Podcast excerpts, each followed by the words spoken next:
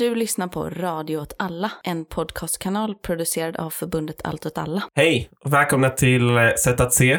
Vi är tillbaka som eh, till den liksom vanliga setupen. Och eh, ni kommer få lyssna på mig, Niklas, och Leo. Och Ellen?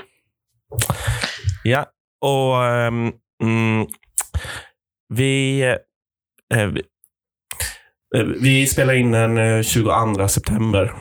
Eh, vi, vi ska prata lite om valet, så eh, jag tänker att eh, det kan vara bra att nämna så att ni inte hänger oss som någonting har hänt under tiden. Om det blir ett omval. eller någonting. Ja, typ.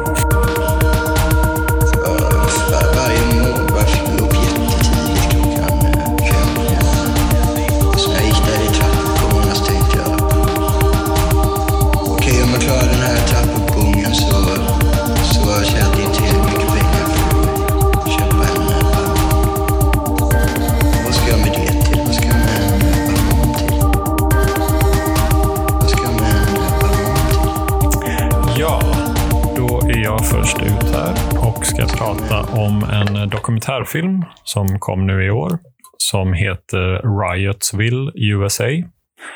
Eh, och gjord av en filmare som heter Sierra Pettengill. Eh, och den här dokumentärfilmen består väldigt mycket av arkivmaterial. Eh, och väldigt mycket av det är filmat av amerikanska militären själva. Så. Ehm, den här filmen finns att ladda ner på Pirate Bay, eller det är där jag har fått tag på den i alla fall. Annars vet jag inte riktigt vart den finns. Den finns att se på nätet, på säkert sådana här strömningssidor eller någonting. Annars. Ehm, Men den här ut, utspelas då i 60-talets USA. Ehm, Och 60-talet i USA präglades väldigt mycket av olika kravaller. Det var 1965 så var det kravallerna i Watts. 66 var det i Chicago och 67 så var det i Newark. Och de här områdena som det blev kravaller i, det var områden där det bodde väldigt mycket svart eller latinamerikansk befolkning. Och kravallerna var då en reaktion på rasismen, klassförtrycket och polisvåldet i de områdena. Ehm, armén eh, vid samma tidpunkt så byggde armén upp små kvarter med så här huskulisser och så på sina militärbaser. Och de var till då för att öva på att eh, bemöta sådana här folkliga upplopp och uppror. Mm. Och de här små kvarteren, då, eller städerna, de kallades då för Riotsville av eh, militären. Och det är typ, om man översätter det till svenska så blir det typ Kravallköping eller Upploppsbyn eller något sånt där. Och i de här Riotsville-ställena då så utspelades eh, skådespel eh, för så generaler och andra militärer som satt på så här stora läktare och tittade på. Liksom. Ehm, och Då iscensatte man liksom vad det var som ledde fram till Watts-upploppen. Så här liksom att det, och Då är det så här soldater som spelar civilbefolkning och så är det andra soldater som är poliser och militärer. Då, och så åker de in. och så Det som startade Watts-upploppen var då att poliser grep en svart man och började misshandla honom. Typ så här, liksom, och så blev det upplopp. Um, och Då spelas det här upp där och så sitter generalen och tittar på och skrattar lite och applåderar på slutet sen när så här demonstranterna forslas iväg i polisbilar och militärfordon och sånt. Um, och presidenten i USA då, som heter Lyndon Johnson, um, han tillsatte i alla fall en utredning, eller en så här kommission, för att utreda vad det var som ledde fram till de här kravallerna. Och så. Eh, och den här kommissionen kallades för National Advisory Commission on Civil Disorders. Eh, men den kallades för Civil disorders. Civil Disorders, alltså Varför? civil, eh, civil oro eller så här. Mm. Eller oroligheter, civila oroligheter. Ja, jag vet inte hur man översätter det till svenska riktigt. Ehm, Och så inte civila störningar. nej. Nej. Men vet du, den kallades för Kerner-kommissionen. Den här eh, utredningen, eller kommissionen som tillsattes efter ehm, han som var ordförande för kommissionen, som var en guvernör som hette Otto Kerner. Eller Kerner. Ehm, och den här kommissionen bestod av senatorer, kongressledamöter, en polischef, ordförande för NAACP, som är då medborgarrättsorganisation för afroamerikaner, och en eh, fackordförande. Um, och deras uppgift var då att utreda de här upploppen, varför de uppstod, vad som låg bakom och komma med olika förslag på handlingsplan så här liksom för regeringen eller staten. Um, Johnson själv hade uttalat för den här kommissionen att han eh, ville att utredningen skulle komma fram till att det var utomstående agitatörer som hade liksom skapat de här upploppen, så uppviglat människorna till att göra upplopp och så. Ehm, så efter sju månader så släpps den här kommissionen, eller släppte den här kommissionen sin rapport då, vad de kommit fram till. Och den här rapporten riktar väldigt, väldigt skarp kritik mot egentligen hela amerikanska samhället. Det, USA utmålas som ett land i kris, på väg mot social kollaps. Och bilden av USA som ett apartheidsystem där svarta och vita delas upp i hela samhället i princip eh, ja, beskrivs i den här rapporten. Så att det är de här väldigt så här högt uppsatta männen som består av eliten till mångt och mycket. I rapporten så låt, lät de som de här revolutionärerna som de egentligen är satta att, så att säga, liksom tysta ner på något sätt. Mm och den kom fram till att så här, upploppen orsakades av bristen på ekonomiska möjligheter för afroamerikaner och latinamerikaner, misslyckade sociala insatser och program, polisvåld, rasism och även att media vinklar sin rapportering utifrån ett väldigt vitt perspektiv. Och rapporten hittade inga som helst bevis för att det skulle vara utomstående aggregatörer som hade liksom, eh, uppviglat det här. Och de här åtgärderna som rapporten föreslog då, det var bland annat att eh, det behövs två miljoner nya jobb, sex miljoner nya bostäder, basinkomst för alla, det vill säga att alla ska få sin ekonomiska trygghet säkrad, eh, massiva satsningar på skolan med ja, resurser, pengar, lärare och allt sådär. Eh, och de här satsningarna då, de skulle kosta ungefär lika mycket som USA vid den här tiden spenderade på Vietnamkriget. Mm. Ungefär 2 miljarder dollar i månaden. Eller något sånt. Ehm, och den gavs även ut som en bok, den här rapporten. Och det blev en storsäljare i USA. Att, ja, väldigt, väldigt många vanliga människor man ska säga, köpte boken och läste den. Mm. Den var på 426. Och eh, Det var också eller något som sägs i dokumentären här också, att det var en eh, afroamerikansk man som hade gripits för att ha uppviglat en folkmassa genom sitt tal. Samtidigt eh, som den här rapporten gavs ut. Eller så här. Eh, han eh, hette H, eller H. Rap Brown.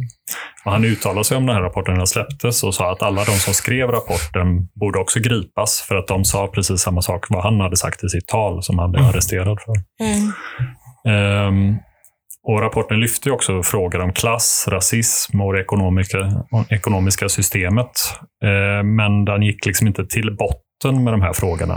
Och I dokumentären så sägs det att om de verkligen hade gått till botten med de här frågorna så hade ju skulden pekats mot många av de personer som satt i den här kommissionen. Så att därför kunde de liksom inte riktigt gå hela vägen med Mm. att se vad problemen var. så att säga.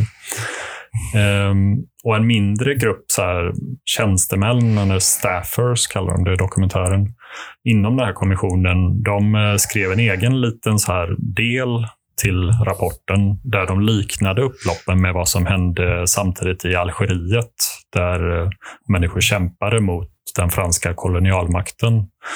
Och De beskrev det som en, eh, att i USA då började spridas en revolutionär anda. Eh, en ovilja att kompromissa och att hellre dö än att fortsätta se sitt folk leva under förtryck. Mm. Eh, de här tjänstemännen avsattes ju väldigt fort från kommissionen. Dock. Ehm, och I media så framställdes den här rapportens slutsatser som väldigt opolitiska. Att så här, det, visst, det finns misär och fattigdom, vilket kan leda till våld och så. Men eh, det är inte uttryck för någon vilja till förändring eller för att ställa några krav eller så, utan det är bara spontana våldsutbrott som är väldigt åtskilda och separata var de än händer. Så här, liksom. Eh, Att vi ska tycka synd om de fattiga, så här, men vi ska inte se dem som människor som faktiskt vill någonting eller som har ett eget mål och mening. Så här, liksom. Och att det är bara radikala extremister som kan mena på att de som deltog i, lopp, ut- de här upploppen faktiskt ville riva ner de här förtryckande strukturerna och skapa någonting nytt. Liksom så. Mm så att man jobbade väldigt hårt för att liksom avpolitisera allt kring de här upploppen.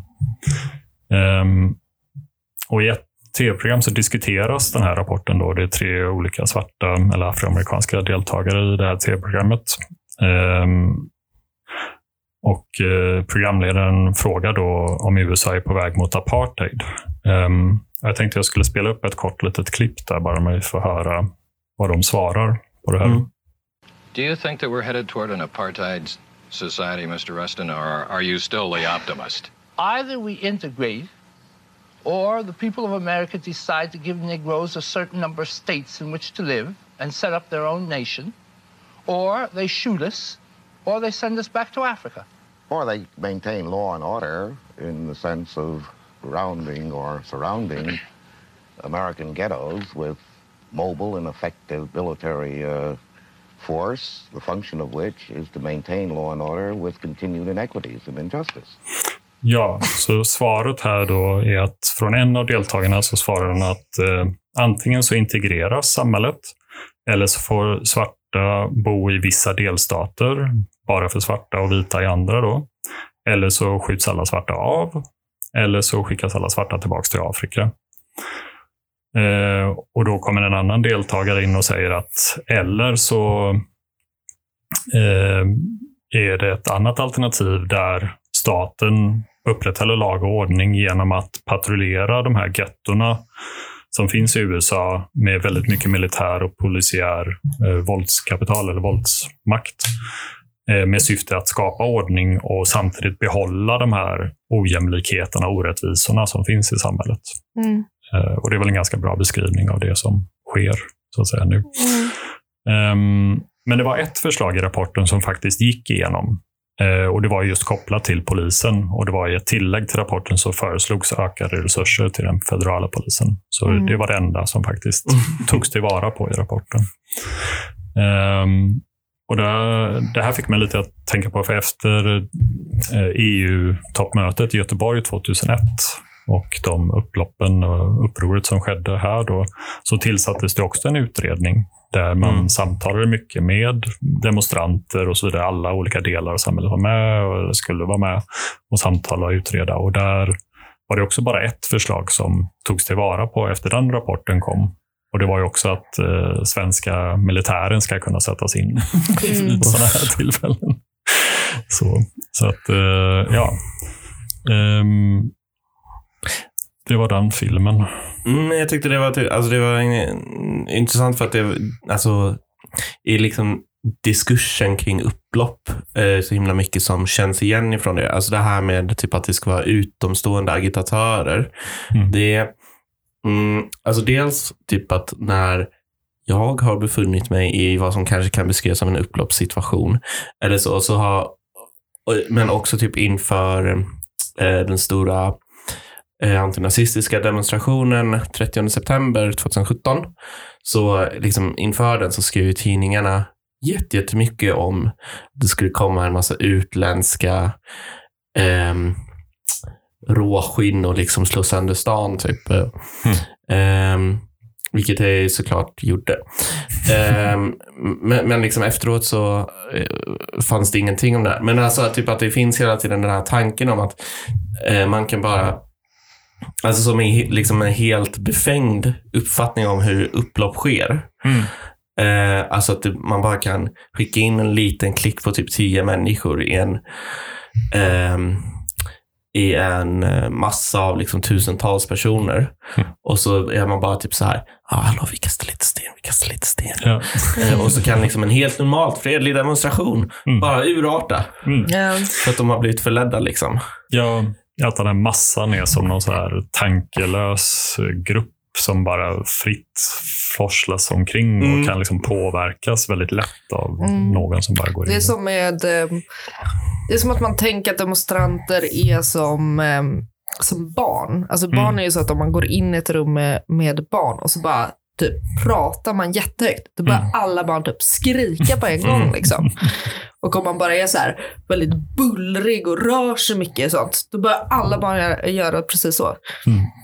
Jo, jo, precis. Det är en väldigt så här, nedvärderande syn på människor och folksamlingar Mm. och liksom, så här, vad man ska säga, den kollektiva massan. Så här, liksom, så. Mm. I Ja, verkligheten men- är, det ju, är det ju jättesvårt att få folk att göra någonting överhuvudtaget. Ja, alltså, alltså i verkligheten så är det jättemycket liksom en växelverkan Mm. av liksom en massa olika orsaker, som att man kanske, alltså mer långsiktiga grejer, som att man är arg Mm. över någonting. Men sen också kortsiktigt att man kanske liksom blir väldigt anta, antagoniserad av poliserna liksom, Mm. eller, eller någonting. Eh, Eller att de typ, eh, alltså att de, de bara går fram och liksom bara drar ur folk i massan Mm. och sånt. eh, ehm, Ja, jo, jag har aldrig varit i någon sån eh, demonstration eller någonting som har urartat i upplopp som inte har föregåtts av just provokationer från polisen. Där Mm. polisen Mm. väldigt medvetet går in och använder våld för att få en reaktion tillbaks. Liksom. Mm. Så. Men jag tänkte typ också på det här i, alltså när det var mycket Black Lives Matter demonstrationer, att den här diskussionen har också förgiftat folks hjärnor typ. Alltså att det var jättemånga på Twitter som, de typ brände ju ner en polisstation. Mm eh, I, någonstans i USA. Och att då var det någon som hade typ sett en så vit man i black block och bara, ja ah, det måste vara CIA typ. Och hade liksom så filmat honom typ. När han liksom gick fram och gjorde någonting. Eh, alltså vad som såg ut att vara att han typ hällde tändarvätska liksom på stationen och typ Mm. tände på. Och de bara, ah, kolla det här var en provokation. För att, så bara, men, Mm. kom igen, eller så här, okej det kanske är så att CIA har en jätteknäpp plan om att de ska bränna ner en polisstation. Eh, men liksom, det kanske också bara är en liksom vit kille som håller med er. Nej, nej, det är ju just det att viktigt att se bakgrunderna till varför saker uppstår och, så här, liksom, och se de eh, ja, konkreta liksom, så här, situationer som finns innan kravaller uppstår. Liksom, Mm. så här. Och det gäller ju också, liksom, alltså, sam, alltså det jag sa innan gäller ju där, alltså att det måste ju också kunna finnas någonting som någon kan greppa tag i. Liksom. Mm. Alltså någon en liksom känsla eller så. Ja, nej men som bara det som har hänt här i, i Sverige senaste halvåret från de här påskkravallerna som Mm. det kallas, liksom Paludan och så. Att där finns ju en extrem ovilja att sätta in det i något som helst sammanhang eller liksom ge någon slags förklaring till varför det kan uppstå sådana situationer. För då ses det ju direkt som att man försvarar eh, våld mot polisen. eller man ska säga. Så, Ganska konstigt att det inte riktigt har varit en debatt om att polisen bara sköt tre personer. Mm. Eh, eller bara sköt in i en folkmassa. Ja, Det var väl lite en debatt om att de eventuellt sköt för få. Ja, jo det var det. Ebba Busch Thor det vill är ju ha hundra skjutna. Ja. Ja. Mm. Hon bara ha en sån här, Så, en ja, sån här eh, rysk mass, eller en eh, ukrainsk massgrav i Malmö. Precis. Jo, men det är väl det som är liksom lösningen på den här eh, nyliberala krisen som vi genomlever i samhället här nu med ökad, ja, nej, men att ökad polismakt liksom så här bara för att bara trycka ner alla liksom, uppror som skulle kunna komma av att vi har ökade klassklyftor, växande fattigdom, sociala problem, hemlöshet, kriminalitet och privatisering av välfärd och allting och att allt bara kollapsar nu. Ja, jag tänkte ju, eh, som jag, ja, jag tänkte prata lite om valet. Eh, eller om en debatt som har uppstått eh, efter valet. Ehm, och, ehm, mm, men jag kan börja med att säga att alltså, jag har haft en liten idé om att vi nu liksom träder in i en ny säsong. Ungefär. Jag har inte säsonger, men nästan. Och att jag har en idé om att jag ska försöka prata lite om typ postmodernitet och så och så hur det framträder eh, i olika så här kultur, eh, liksom kulturprodukter eller vad man ska säga. Mm. Eh, och hade väl egentligen ta, tänkt ta ett annat grepp. Ehm, men jag tror att det liksom kommer komma in lite nu ändå. Eh, men ja, det har varit en kulturdebatt. Eh, Sven-Anders Johansson, som jag tror att jag i typ första eller andra avsnittet av den här podden utropar till eh, poddens fiende. Vilket jag fortfarande står fast vid. Vem, vem är han? Han är sämst. Eh, han skrev på Aftonbladet Kultur om att det är dåligt att vara politiskt aktiv. För att man, eller det är dåligt att tycka, tycka saker offentligt för att det, man gör bara det för att man vill eh, bekräfta sig själv som god. Mhm. Okej. Eh, Tänk om man tycker onda saker.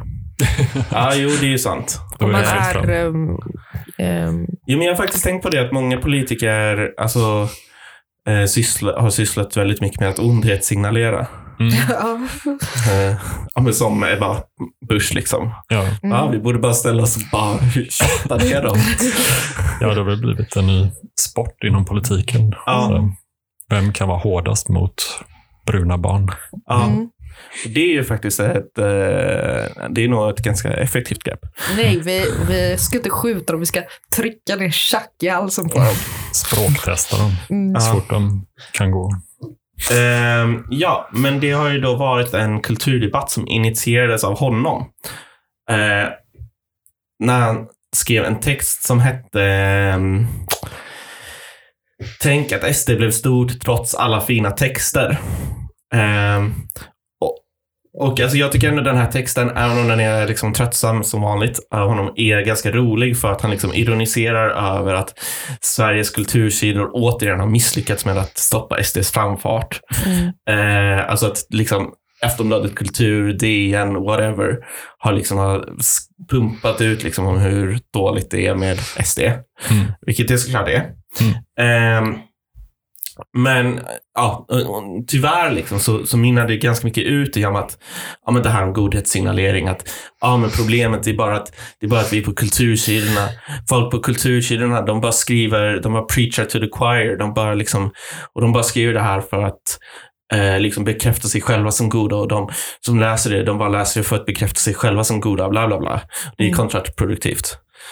Eh, eh, vem bryr sig? Ja.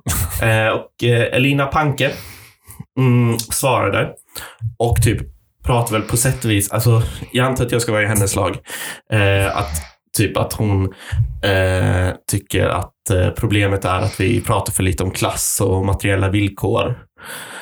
Ehm, och eh, jag vet inte, det kanske finns en poäng i det. Mm. Det kom någon artikel i DN också. Mm.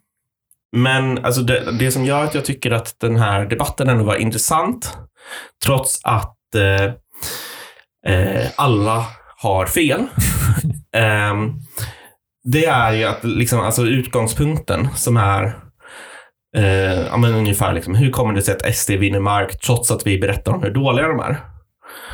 Ehm, och ja, Sven-Anders Johansson menar ju då att det är kontraproduktivt att vi hela tiden tjatar om hur dåliga SD är.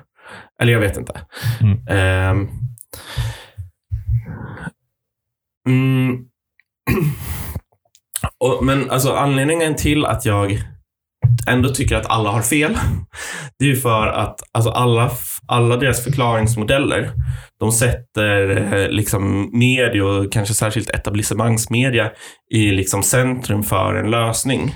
Mm. Eller i alla fall att de spelar en väldigt viktig... Alltså att det finns någonting som medierna kan ändra på för att ehm, SD ska eh, liksom tappa mark. Mm. Ehm, Att de har den makten. Exakt. Och det tror jag inte jag överhuvudtaget. Alltså, så här, de, hade kunnat, eh, de hade kunnat skriva vad som helst. Mm. I princip. Mm. Ehm, och alltså, det här handlar också om någon, alltså jag tänker att det här också handlar om någonting som jag tycker är lite störigt med journalistyrket, som är typ att det finns en, ett så ideal, ett så Woodward and eh, Bernstein-ideal. Alltså Woodward and Bernstein var de som liksom avslöjade konspirationen bakom Watergate, typ.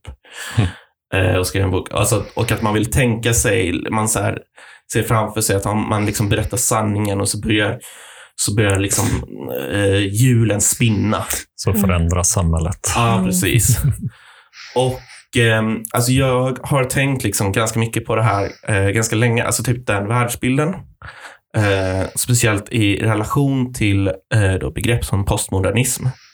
För att för mig så är ganska mycket grejen med liksom postmodernismen eh, som en era, eller postmoderniteten, eh, alltså att det, är, det handlar om att man kommer ifrån då, ja, moderniteten eller högmoderniteten där man eh, där, man liksom, där det finns en föreställning om att eh, det typ vetenskapsmän och liksom journalister gör, det är att de liksom berättar sanningen om samhället. Och genom att berätta sanningen om samhället så liksom engagerar sig folk i olika frågor. De är så ah, det här missförhållandet, det är för jävligt. Och då så liksom börjar man jobba för lösningar på samhället. Antingen så kommer politikerna med det eller så kommer folket med det. Så att genom att liksom hela tiden avslöja olika missförhållanden så kan man eh, ja, förändra världen. Men att grejen med liksom postmodernismen eller postmoderniteten, det är att man då liksom i början av 70-talet typ upptäckte att man, vad fan, det hände ju ingenting. Liksom. Eh, och att eh, Fredrik Jameson skriver om det typ som att alltså postmoderniteten då som att det är liksom en era där eh, man liksom är redo att gå vidare. Därav post. Alltså att man är färdig med moderniteten, men det kommer inget nytt. Mm. Ehm, så att, ehm, för att spetsa till det lite, man skulle kunna säga att eh, framtiden fastnar i framtidsgöraren. Mm. För att ja, men hela den här tanken om, att, om hur samhället liksom går vidare, går framåt, liksom inte funkar. Bara. Mm. Alltså att folk, saker blir sämre. Och folk vet att, alltid, att saker suger. Folk liksom känner till miljökatastrofen, men ingenting händer. Mm. Men det handlar ju liksom om att det har, alltså jag tänker mig lite så här, alltså om liksom i typ eh, någon sorts mellanmodernitet, alltså typ början av 1900-talet och sånt, när vi hade de här stora masspartierna och det. Mm. Då hade de sina egna tidningar och sånt. Att det fanns liksom ett samband då, alltså ehm, som liksom har klippts. Alltså tidningarna skrev om saker som liksom partierna tog upp och sen hade de liksom en medlemsbas som blev engagerad, till exempel. Eller en fackbas, eller whatever. Ehm, men att de banden har liksom klippts, Mm. typ. Så att alla svävar fritt lite grann. Ehm, och att för typ för liksom journalistkåren så har det här liksom orsakat ja, men typ som en, ja, men en chock. Liksom för att, eller nästan alla, att man typ inte vet sin roll i samhället riktigt. Um, och att man då kanske å ena sidan tänker att man kan hela tiden förändra världen. Liksom. Ehm, men att man också hela tiden märker att ingenting händer. Och att det är så för alla delar av samhället. Ehm, men liksom, alltså kärnan i liksom det här, i den problematiken med att tänka så. Det är ju liksom hur man ser på, alltså vad man tror att politisk förändring vad man tror att politisk förändring kommer ifrån. Eh, alltså man tror att det kommer av att skriva saker eller av att göra saker. Eh, och min hållning är att det kommer av att göra saker i slutändan. Och där har ju såklart skrivandet, eller liksom att det produceras text, Eh, en roll att spela. Eh, vilket jag tänkte komma in på lite senare. Eller definiera. Men först så tänkte jag försöka konkretisera med ett exempel. Ett historiskt exempel. Eh, från 20-talets Italien. Um. men sen, med tiden, så fortsatte rörelsen vinna mark. Och då liksom gav sig, eh, då började liksom de liberala tidningarna då ge med sig och började liksom eh, eh, förhålla sig eller anpassa sig mer till liksom fascisternas politiska positioner. Och liksom i, i, part, i de, liksom de liberala och konservativa partierna så börjar ju också ha en högre acceptans för, Ja, jag kan inte gå in på det nu. Mm. Ehm, ja, men det, jag tänker att det här är liksom en berättelse som man har hört ganska många gånger innan. Men att eh, alltså ofta så är den, när man hör den berättelsen så känns det som att den implicerade läxan är att men om, liksom, om medierna bara håll, fortsätter hålla linjen då hade liksom inte fascisterna tagit makten. Eller som i då Pankes lite mer vänsterversion att om man bara hade talat mer om klass och eh, liksom vanliga människors livsvillkor så ehm, hade deras framfart liksom kunnat hindras. Och jag tror ändå att i slutändan, så, alltså jag tror inte på det. Jag köper inte den, den liksom berättelsen. Alltså för att jag tänker att liksom det som, alltså det som eh, liksom, eh, fascisterna i Italien har gemensamt och det som SD har gemensamt, det är liksom det är momentum.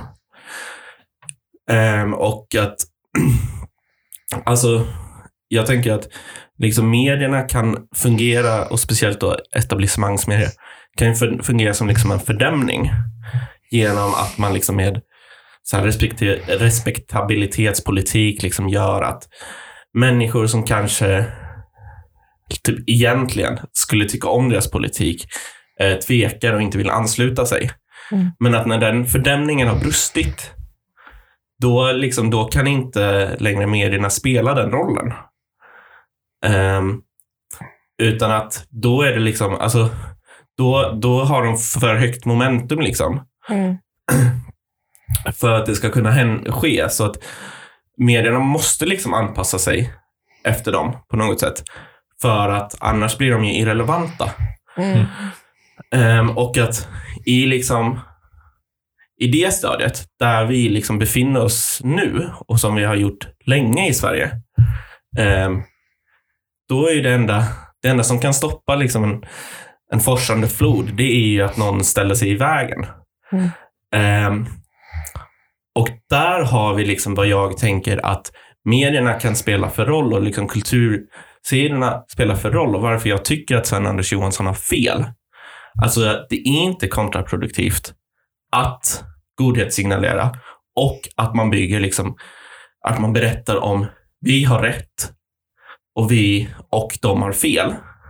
För det är att man bygger en identitet eh, som är jätte, jätteviktig för alla framgångsrika rörelser.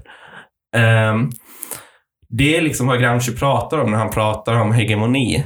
Alltså så här, eh, den kulturen. Och det, alltså man kan inte ha det som en enda grej. Och jag kan ju tycka att medierna borde kanske, alltså kultursidorna kanske borde vara bättre på att liksom knyta sina typ ställningstaganden till eh, reella rörelser eller whatever. Liksom.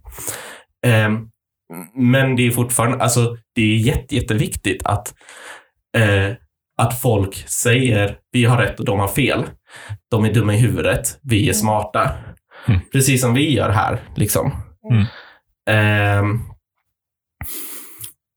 För, men, ja, alltså, men jag tror typ också att det liksom att man, om man ska kunna spela den rollen bra, så måste man väl också typ förstå att det är den funktionen man spelar. Alltså att man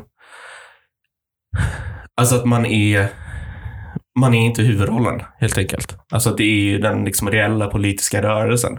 Så att om man är kulturjournalist och känner att man vill engagera sig liksom, eller liksom vill stoppa dem. Visst, det är väl bra om man skriver en artikel, men det kanske är bättre att typ gå med i ett parti eller gå med i Allt åt alla. Liksom. Alltså, eh, eller gå Det, på det kan man väl inte göra om man är journalist i och för sig. Okej, just det. Det kan man inte. Ehm, Men då får man sluta vara journalist. Ja. Nej, men det kanske är bättre att man, jag vet inte, stöttar ingen människa är illegal eller, eller någonting.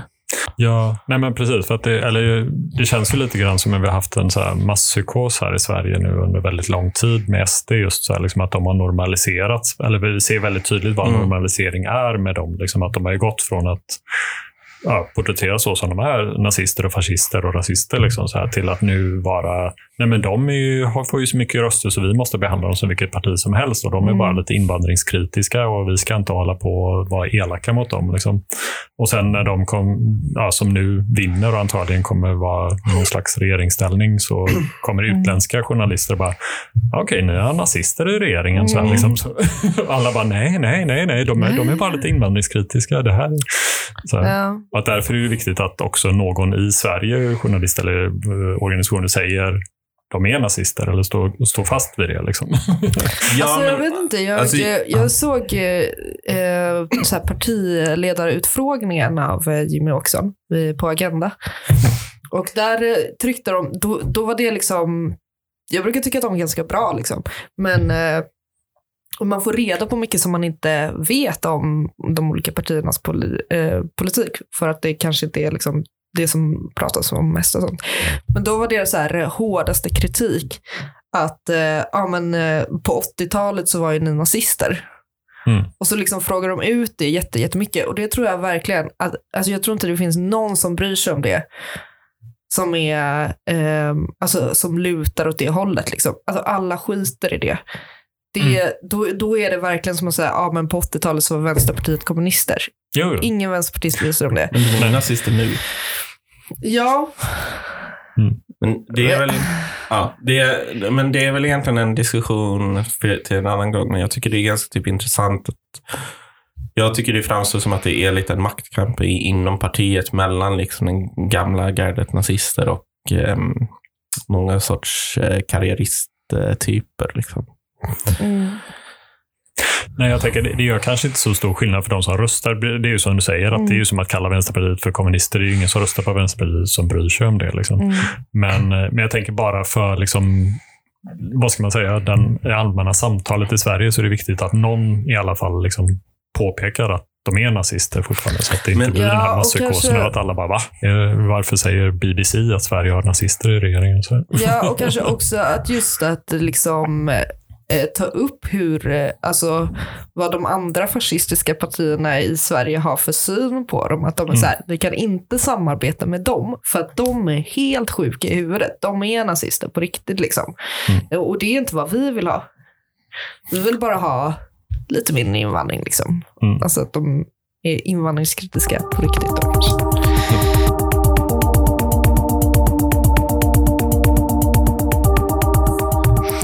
Ja, nu blir det lite tramsigare. ja, roligt. Jag har nämligen eh, min egen teori om eh, varför högern vann valet. Ja, okej.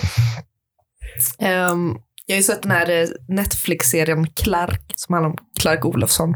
Mm. Och eh, kunde inte låta bli att tänka liksom för eh, högern hade ju den här, eh, den här eh, liksom, ultimata frågan om brott och straff. Mm. Vi måste straffa brottslingar hårdare. Det är liksom slut på mjukmaten nu. Fram med hårdhandskarna. Bura in dem för evigt. Kasta bort nyckeln.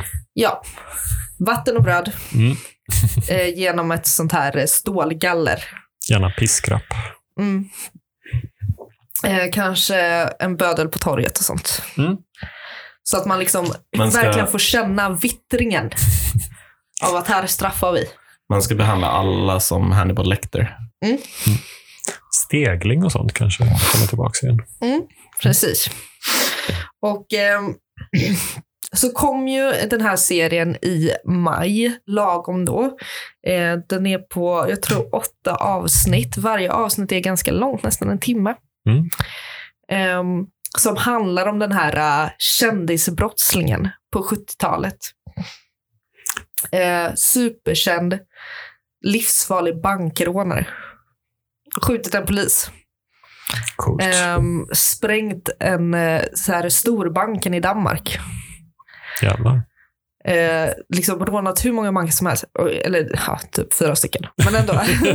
Ändå ganska imponerande. Han har kommit över ja, men, typ eh, en och en halv miljon. Liksom. Oj, mycket Eh, pengar då. Mm. Gett upphov till ett känt syndrom som inte är, som inte är på riktigt, men ändå. Mm. Stockholmssyndromet. Ett världskänt syndrom. Mm. Och eh, allt det här gjorde han i 70-talets Sverige där man hade den här genomgripande tron på att en brottsling kan reformeras. Mm. Det handlar bara om att de är ofria. De är ofria under kapitalismens kedjor. Eh, De har tvingats växa upp under svåra förhållanden, under fattiga förhållanden. Och det har tvingat dem till att börja eh, göra brott för att kunna överleva. De, har, de är inte födda såna här, utan eh, de har, de har blivit det. Av liksom eh, stormens vindar så har de fått ett sånt eh, råbarkat skinn. Med offer för sociala omständigheter. Precis. Mm. Ehm, och då har man den här Clark Olofsson som uppenbarligen är smart. Eftersom han lyckas göra alla de här sakerna. Han, f- får också så här, han typ studerar i fängelset och läser en massa böcker och får så bra betyg på sina studier och sånt. Han får typ alla rätt på högskoleprovet. Och eh, vet inte. Han fuskade säkert. Eller? Jag vet inte. Ja, i alla fall. Eh, han har också jättemycket brudar. Mm.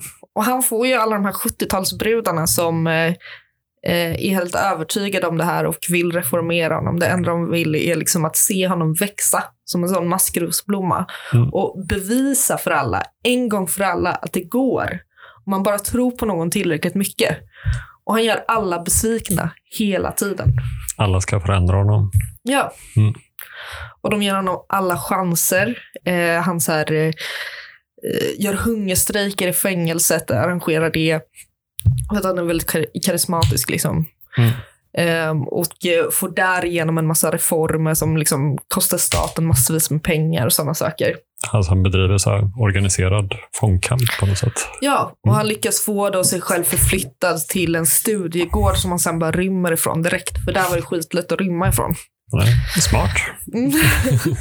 Det är så himla obestämd väg till rymning också. ja. Det så här, tar flera år till slut. Eller om det bara är att det, det var tillfället, liksom, att han inser att han kan. Mm. Ehm, och jag kan verkligen tänka mig att folk blir sura när de kollar på det här. Och eh, att man helt och hållet tappar tron på det.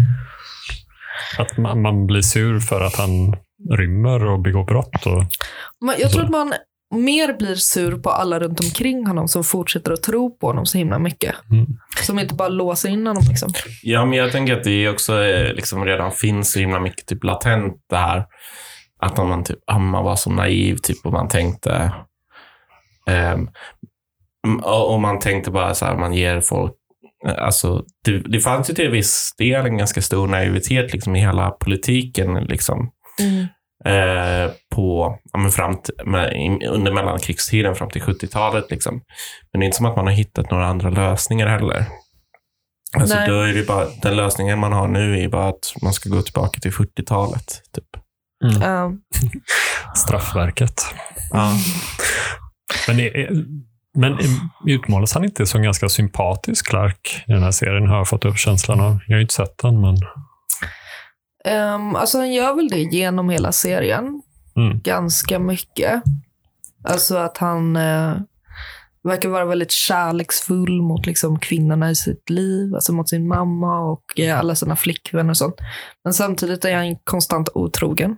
Han Jo. sviker alla hela tiden. Jo, Han är Han så här, eh, eh, eh, sticker från, alltså friar liksom. Och sen så, eh, för att få permission. Mm. Och sen så flyr han från fängelset på permissionen och lämnar Ja, men- sin gravida flickvän som han skulle gifta sig med. Ja, alltså, han, jag tänker att han framställs ju som en, en kul typ att känna. Men Spjuver. inte, som, ja, men inte som en sympatisk människa. Liksom. nej, Nej. nej, precis. Det, det är nog ingen som folk skulle vilja ha som vän eller släkting eller så i verkligheten. Men jag tänker att... Men som bekant, Ja, absolut. eller som underhållning i en film. Att Ja. det är kul Mm. att titta på. Att man ändå känner sympati kanske. Och även om han begår brott. Så jag menar, jag tror att ganska många människor, har jag en känsla av i alla fall, tycker att så här, brottslingar på film är lite så här roligt och underhållande Mm. och någon man kan så här heja på liksom, till och med. Mm. Så här, och önska att de kom undan med pengarna och så. Där, liksom, Mm. och så. Jag gillar ju Jokern. Liksom. Ja, precis. Men- Men jag tänker att det är också, alltså just den här grejen är någonting som, som gör folk rasande om någon tänker efter. Liksom. Alltså det här att ja, men de känner att, alltså att man speglar sig i hans kompisar typ, som hela tiden blir liksom screwed over av honom. Ja. Eller de han typ så här liksom ehm, snackar, liksom snackar runt. Alltså Mm. för att få som man vill. Eh, att man är så här, ja men det här är jag. Jag är den idioten som bara tror på den här onda, onda människan. Mm. Eller inte ens att den är ond, men att man är så här, man känner sig lurad. Mm. Att man, är, och man känner att man har lagt in mycket energi och tid och liksom haft en vision om eh, hur ja, om jag gör det här då, då kommer den känna sig så tacksam så att då kommer den bara göra de här sakerna som jag tycker att den ska göra. Ehm, och, eh, och då kommer livet bli så himla bra för den och då kommer den en dag lägga sin hand på min axel och säga du har alltid stått upp för mig, du har alltid funnits där för mig och eh, jag har dig att tacka för allt. Eh, Och så blir det inte så. Och då har man, liksom, då har man lagt in en massa arbete som, som man inte får lön för. Och Mm. då blir man ju sur. Det kan man ju fatta. Det är det som händer många i serien. Där, eller hans vänner blir manipulerade, känner de, av honom. Liksom. Ja, Mm. alltså och... Eh, eller så är det ju med alla hans flickvänner. Mm. Sen har han ju sina medbrottslingar som är kompisar. Och Mm. med dem är det mer så här att de tror att de är bästisar typ. Mm. Och eh, eh, det känns som att de är så himla nära och sånt. Och sen helt plötsligt bara sticker han. Och så är han Mm. bara, nej du får klara dig själv nu. Mm. När han tröttnar på dem. Han är lite, Ehm. Man har ju flera, jag har inte sett hela serien, men han har ju flera vänner i serien som han liksom sätter dit mer eller mindre. Ja, Eh, att de typ rånar någonting tillsammans. Och så tar han en flyktbil och sen drar han iväg med den själv. Och så står de där med grejerna i händerna. ja. Okej. Så Ja. han, han, har, Eh. han är lite egotrippad. Och, Ja, men det är, men så är det ändå jättemycket så genom serien att han bara typ festar hela tiden och det verkar så himla kul och sen så avslutas det med att han eh, börjar bli lite gammal. Mm. Eh, han har eh, em, gått ur journalisthögskolan med högsta betyg och sånt. Och så är det en journalist som eh, eh, har hållit på att skriva en bok om hon- honom i flera år. Och så kommer hon bara och säger att eh, hon inte tänker ge ut boken. För att hon vill inte liksom, fortsätta skriva eh, myten om Clark Olofsson. Mm. För då har hon eh, mot hans begäran gått och pratat med alla hans gamla flickvänner, Mhm. alla hans vänner som mår jättedåligt och känner sig lämnade och känner sig lurade. Mm. Och liksom fått den här andra bilden av det. Får man se Eh. dem i serien också? Mm. Mm. Eller inte när hon går och pratar med dem så mycket. Mm. Den är liksom eh, gjord väldigt mycket utifrån hans perspektiv. Mm. Men eh, ja, den var väldigt bra. Ehm, tror ni att man kan eh, reformera fångar? Till att bli goda medborgare. Alltså, jag tycker ju... Um, alltså två saker. Eh, jag tycker, eh, alltså folk som typ Clark Olofsson och sånt är ju fascinerande för att de, eh, alltså de visar ju på något sätt att det är eh, liksom att Ja, men det är liksom laglydiga, laglydiga livet kanske bara helt enkelt inte är så fett. Liksom. Eller liksom det kanske inte är så bra finns så mycket bra grejer att liksom gå, gå tillbaka till. Typ. Ehm, så att det finns ju på något sätt en underliggande kapitalismkritik i hans existens. Mm. Ehm, men att eh, men typ också alltså att ehm, det som är typ grejen med den här, den här typ Alltså väldigt, väldigt självömkande diskursen. Alltså det vi har varit inne på lite som, eh, som man, typ samhället kan ha. Att man, är så här, att man känner typ sig lurad av brottslingar. Man har den här föreställningen om att, men alla, brott, att alla brottslingar är som Clark. Mm. Men de allra flesta är inte det. liksom. Mm. Ehm, men också typ liksom, vad fan är det för Alltså vad, vad fan är det för samhällsbild du har om du tänker att så här, nej, alla som begår brott, det är liksom, de är oreformerbara. De, man ska bara låsa in dem så länge som möjligt. Vi ska bara så här, alla ska bara ha jätte, jättehög press på sig hela tiden att liksom inte fucka upp. Mm. Ehm, liksom du kan alltså så här, ingen kan ju på riktigt tro att det funkar så. Nej. Alltså folk tror inte det på riktigt heller. Alltså för att det alla de här människorna har ju kört mot rött eller liksom en massa p-bötrar och eh, jag menar, skattefifflar säkert. Liksom. Mm.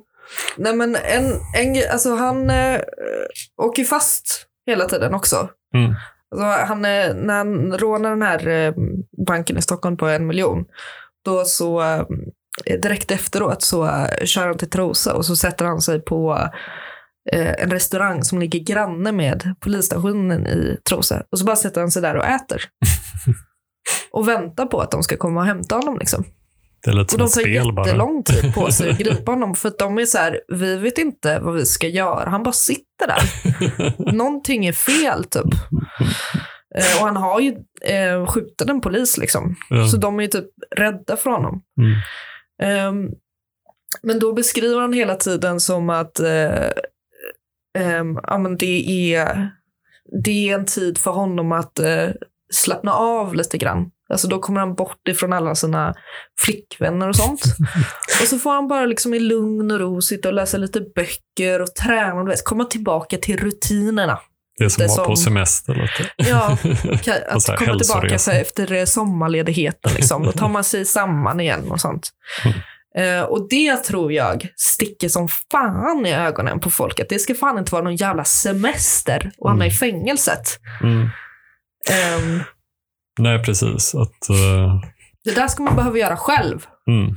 Du ska ha fem veckor där du kan åka till Thailand och ha lite trevligt. Mm. Och sen måste du banta när du kommer tillbaka igen. Ja. Jo, men, det, nej, men jag är väl inne lite på samma som Niklas sa här. Att, eh, jag menar, I ett eh, kapitalistiskt system så går det ut på så mycket som möjligt att eh, ha en, så att säga, en slags organiserad tristess för de allra flesta människor i löneslaveri och allt vad man tvingas in i, så här, i Mm. väldigt strikta mönster och strukturer.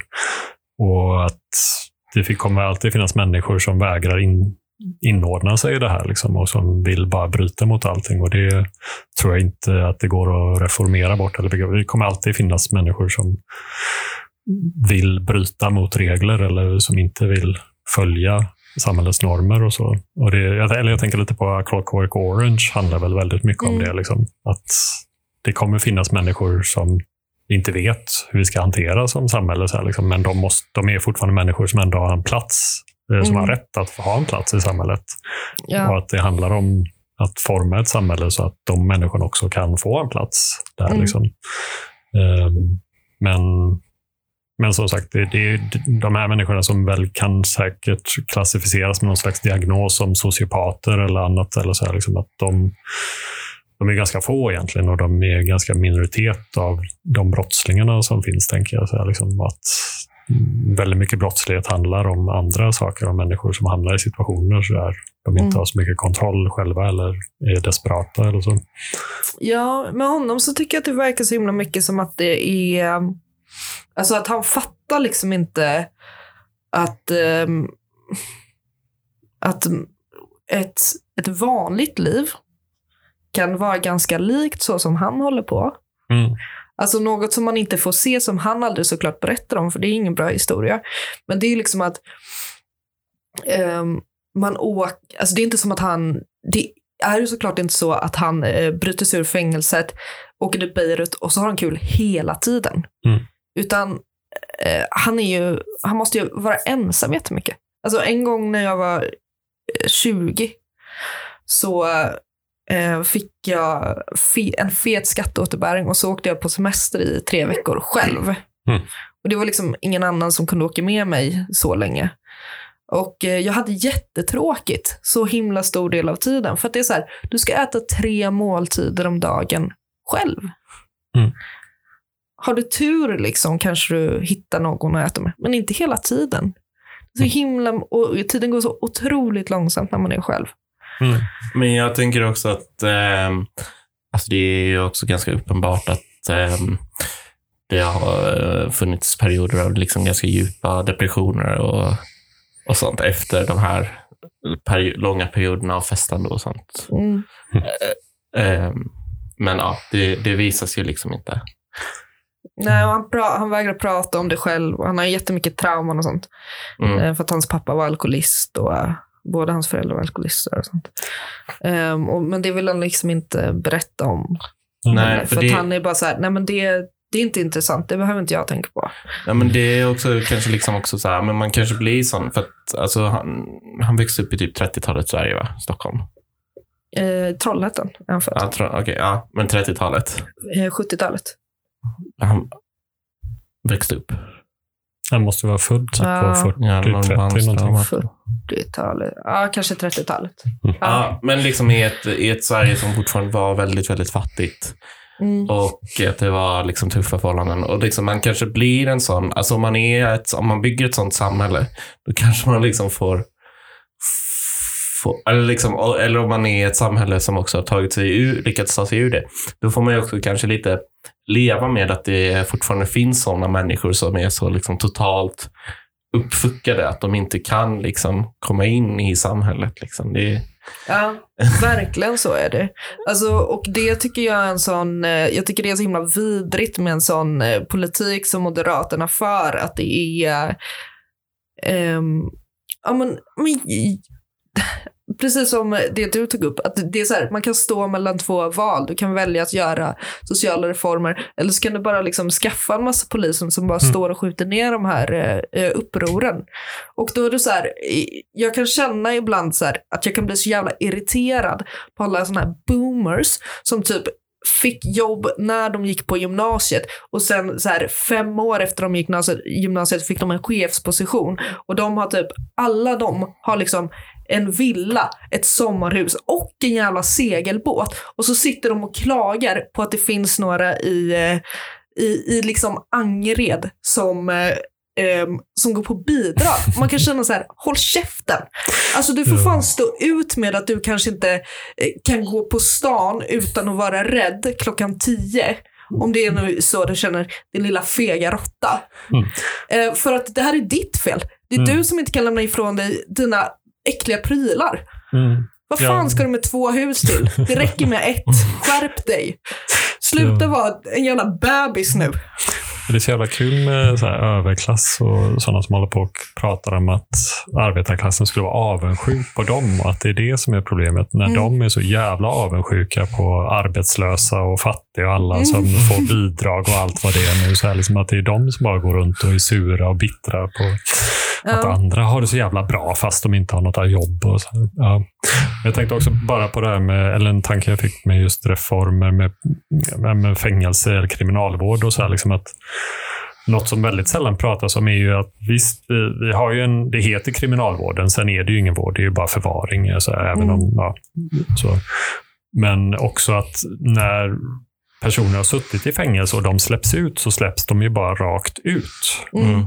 Det är ju aldrig någon uppföljning av vad som händer sen. Liksom. Mm. Och Jag har ju pratat med människor som jobbar som kriminalvårdare på fängelser och så. De säger att det är ju liksom de här människorna, när de kommer ut, de får ju flytta tillbaks till någon de känner eller till, Mm. liksom, till samma gamla gäng de hängde med eller så vidare. Liksom. Och de har ju inga pengar.